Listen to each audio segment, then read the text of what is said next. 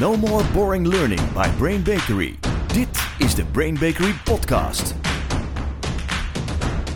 Heel hartelijk welkom allemaal in deze kakelverse nieuwe podcast. Ben ik hier natuurlijk weer met mijn collega Sjane Bakker. Hallo Jan-Peter Hoogstraten. In deze aflevering duiken wij in een methode die heet Critical Incident Methode. Een superhandige methode waarmee je uh, niet gelijk een training hoeft in te richten, waarbij je gebruik maakt van de kennis van je mensen, waarbij je die kennis die ze hebben ook gaat kalibreren naar wat is nou de ultieme uitvoering, hoe wij deze kennis tot uiting kunnen brengen. Het is super waardevol en ik begrijp niet dat niet iedere trainer dit regelmatig doet. Nee, nee het is wat je ziet hè, dat veel trainers eigenlijk altijd kiezen voor hetzelfde instrument. Namelijk, ik sta voor de groep, tussen de groep, in de groep. En ik deel mijn kennis en dan Ja. gaan we oefenen. En ik denk dat in heel veel situaties deze methode misschien heel veel beter is. Ja. Ja. Dus wat we gaan doen in deze podcast, uiteraard duiken we in de geschiedenis van deze methode. Wat Hoe is werkt het eigenlijk? die? Wanneer komt die vandaan? Eh, welke stappen loop je door? En natuurlijk gaan we hem heel praktisch maken met een voorbeeld hoe je hem dan kunt toepassen. Aan het einde van de- deze podcast weet jij gewoon hoe je dit kunt doen. Juist. De Critical Incident Methode. Jana. Ja, als je er eh, naar kijkt, dan vraag je af, wat is het? Nou, het is een werkvorm die je gewoon kunt doen met een facilitator op de werkvloer. Je doet hem met mensen die iets weten van het vak. Hè. Helemaal newbies kan hij ook bij, maar is hij wat minder waardevol. Het liefst heb je een groep die al een tijdje een vak uitvoert, die daar een professional in is. En wat je gaat doen, is met elkaar kijken naar hoe reageren we nou op kritieke situaties. Op van die situaties die relevant zijn, die heel herkenbaar zijn. Iedereen komt ze regelmatig tegen in het werk. Maar ook waar het erop aankomt. Hè, mijn reactie op deze kritieke situatie, die maakt echt het verschil. Of ik die kant of die kant kies, dat maakt nogal een... Maak of kraken. Het is Ja. maak of kraak moment. Dus je kiest zo'n soort situatie. Daar zit ook nog een hele science achter hoe je die kunt kiezen.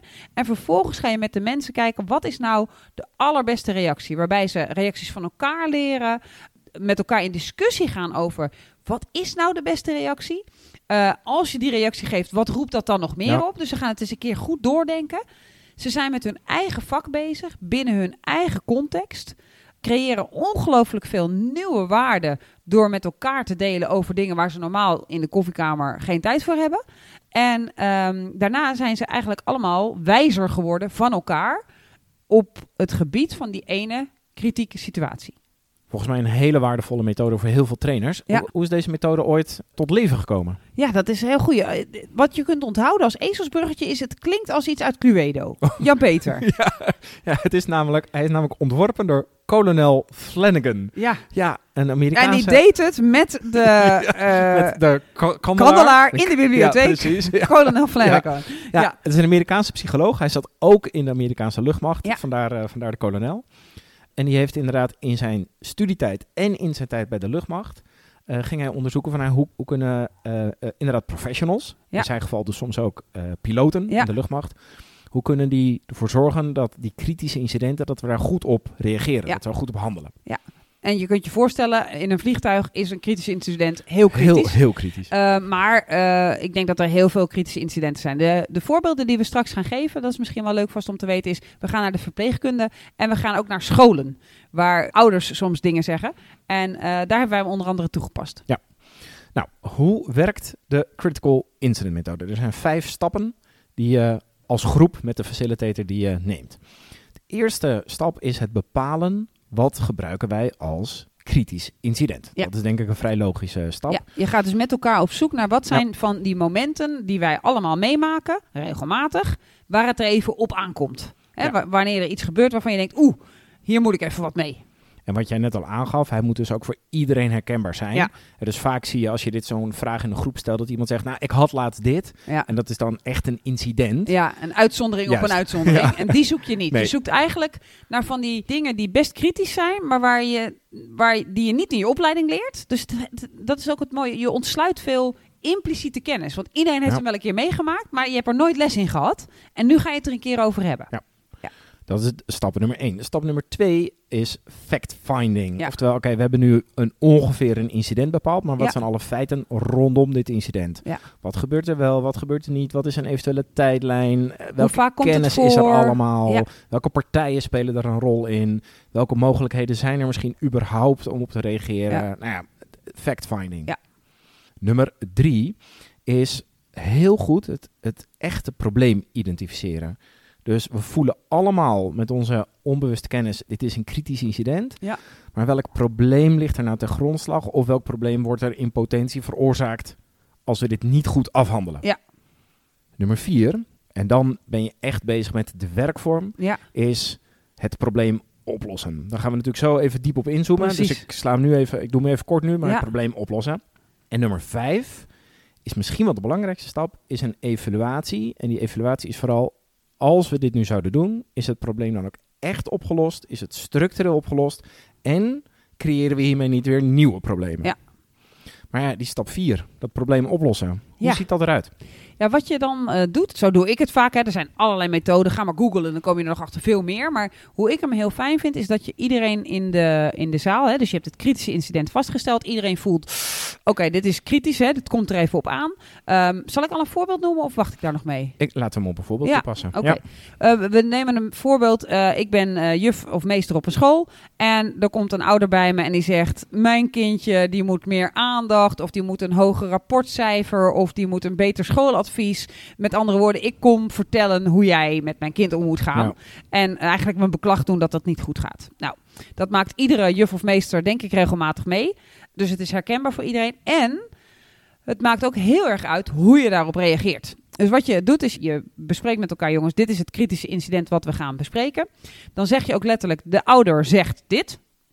En vervolgens geef je iedereen, tenminste zo doe ik hem, een heel aantal kaartjes waar ze mogelijke antwoorden, waarvan ze zich zouden kunnen voorstellen dat iemand hem geeft, Mhm. opschrijven. Dus dat kan van een heel slecht antwoord, Ah. Hè, van ik heb mijn dag niet. Nou, dan heb ik soms zin om dit te zeggen.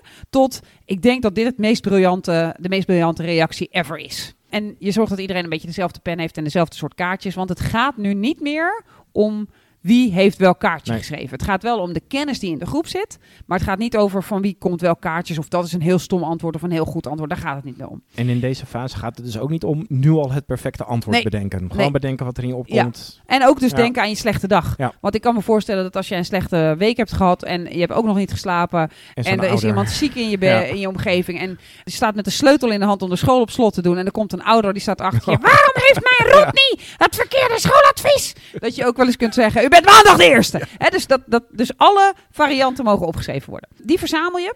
En wat je dan doet is, dan pak je, ik pak altijd een flip over. En daar teken ik een verticale lijn op. En hoe hoger we het antwoord uiteindelijk plaatsen, hoe beter we met z'n allen vinden dat het antwoord is. Ja. Ehm, dus dan pak je het eerste kaartje van de stapel. Die Ja. lees je altijd gewoon netjes voor. Wat er ook op staat. Ook al is het maandag ben je, ben je de eerste. Je leest hem gewoon voor. En die plaats je in het midden op die verticale lijn. Omdat dit het eerste kalibreerpunt is. We Ja. hebben geen vergelijkingsmateriaal. Dus ik plaats hem in het midden.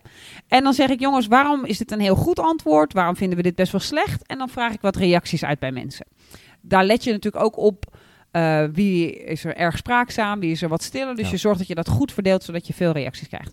Dan pak je vervolgens de tweede kaart. En nu heb je de eerste heb je natuurlijk al Mhm. hangen in het midden. En dan pak je de tweede kaart en dan zeg je: Oké, dit is een alternatief reactie. Is deze beter of minder goed dan degene die er al hangt? Kijk. En dan ga je mensen vragen om een soort hoger-lager te stemmen. Ja. En ook te zeggen: Oké, wie zegt er allemaal hoger? Top. Eh, wie zegt er allemaal lager? Heel goed. Wie, wie twijfelt? Super. Laten we even beginnen met bijvoorbeeld hoger. Waarom zou deze reactie beter zijn dan die ander? Oké, maar jullie hadden lager. Waarom zou die la- lager zijn dan die ander? En zo kom je tot een consensus door uit te wisselen. Want de een ziet iets wat jij niet ziet. Die denkt van, ja, maar als je dit doorvertelt aan de ouders van Astrid, ja, Wat gebeurt er dan? wat gebeurt er dan? Ja. Hè? Dus die denkt verder door, de ander die denkt op een andere manier.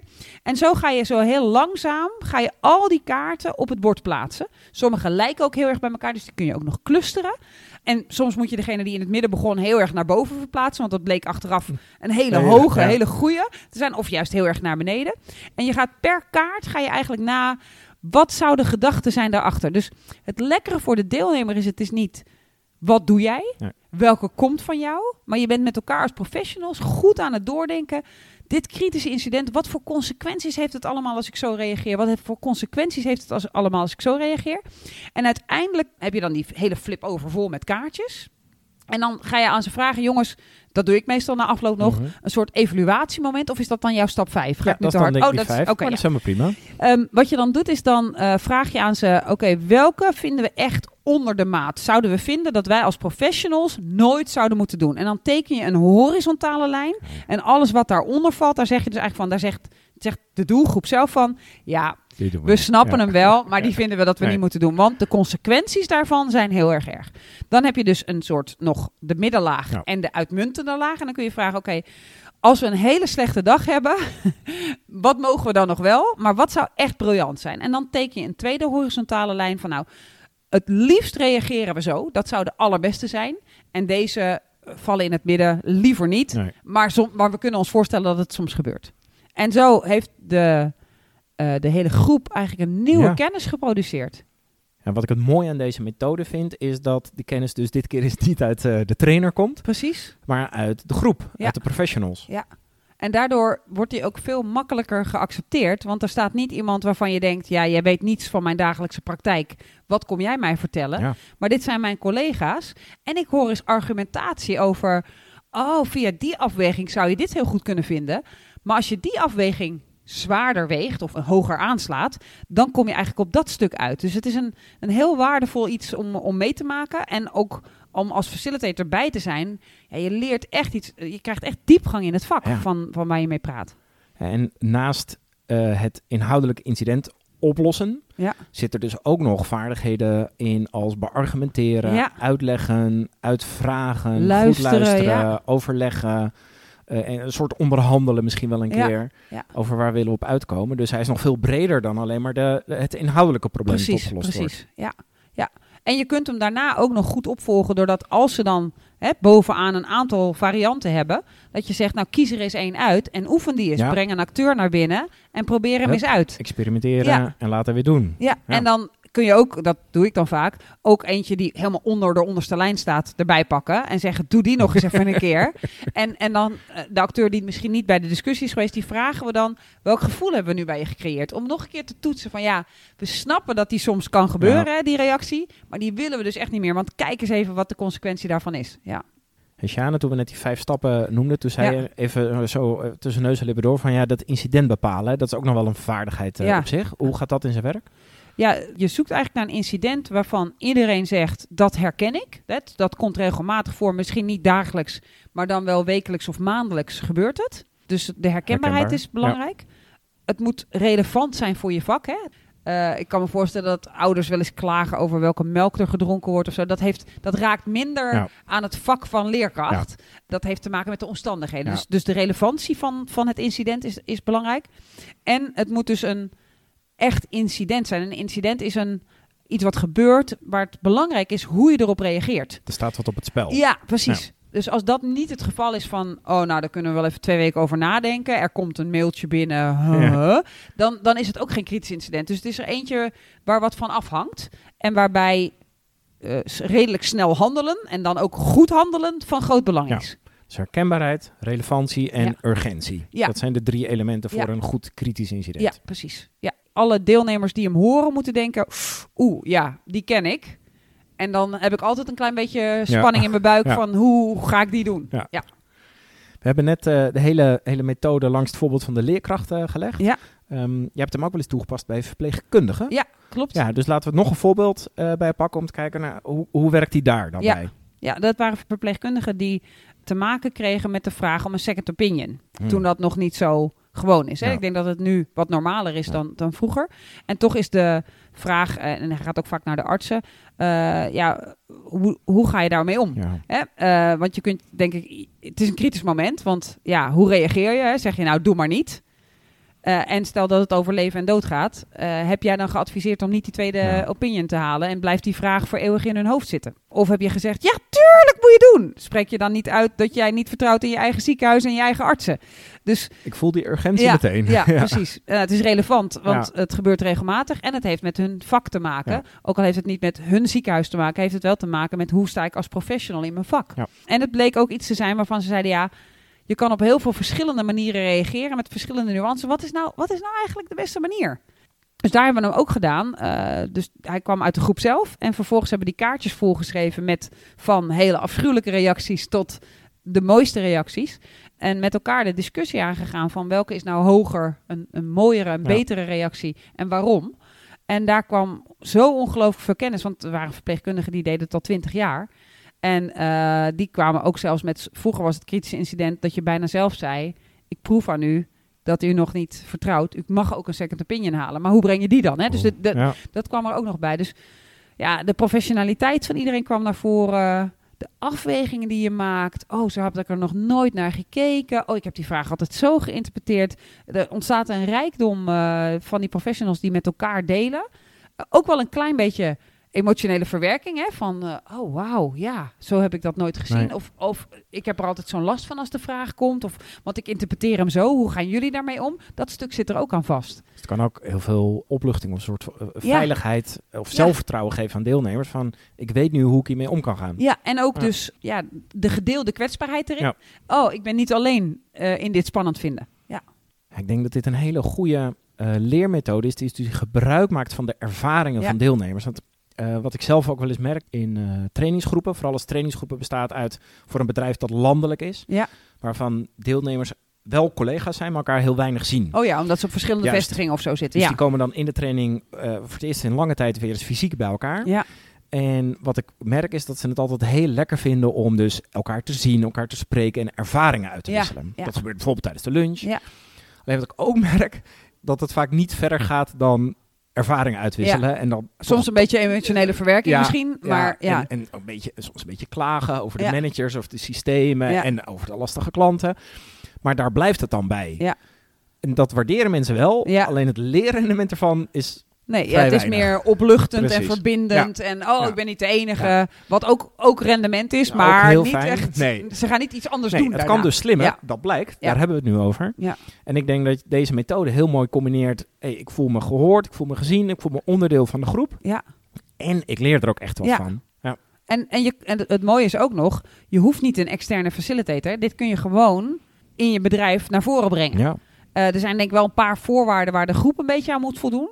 Maar als die voorwaarden gediend zijn, dan kun je gewoon dit zelf nu ter plekke gaan organiseren. Je zegt er zijn een paar voorwaarden. Wanneer kun je dit nou het beste niet doen? Of wat zijn, ja, wanneer is dit niet handig? Ja, ik denk, dit heeft kolonel Flanagan niet, uh, nee. niet uh, opgeschreven. In de bibliotheek ik heb het niet met kunnen de vinden. Ja. Maar ik denk dat als er, als er een groep is waar heel weinig vertrouwen is, heel veel uh, elkaar de, de bal afvangen of vliegen afvangen, hoe heet dat? Iets, ja, iets, iets vangen. Ja, um, dan, dan denk ik dat het best wel een spannende methode is. Want, want je gaat wel even laten zien dat het best pittig is om ermee om te gaan. Dus een team dat niet lerend in de wedstrijd zit, hè, wat gewoon denkt van uh, doe nou al, doe je gek genoeg. Of waar incidenten zijn geweest waar weinig vertrouwen is, dat is daar is deze denk ik wel spannend. Ja.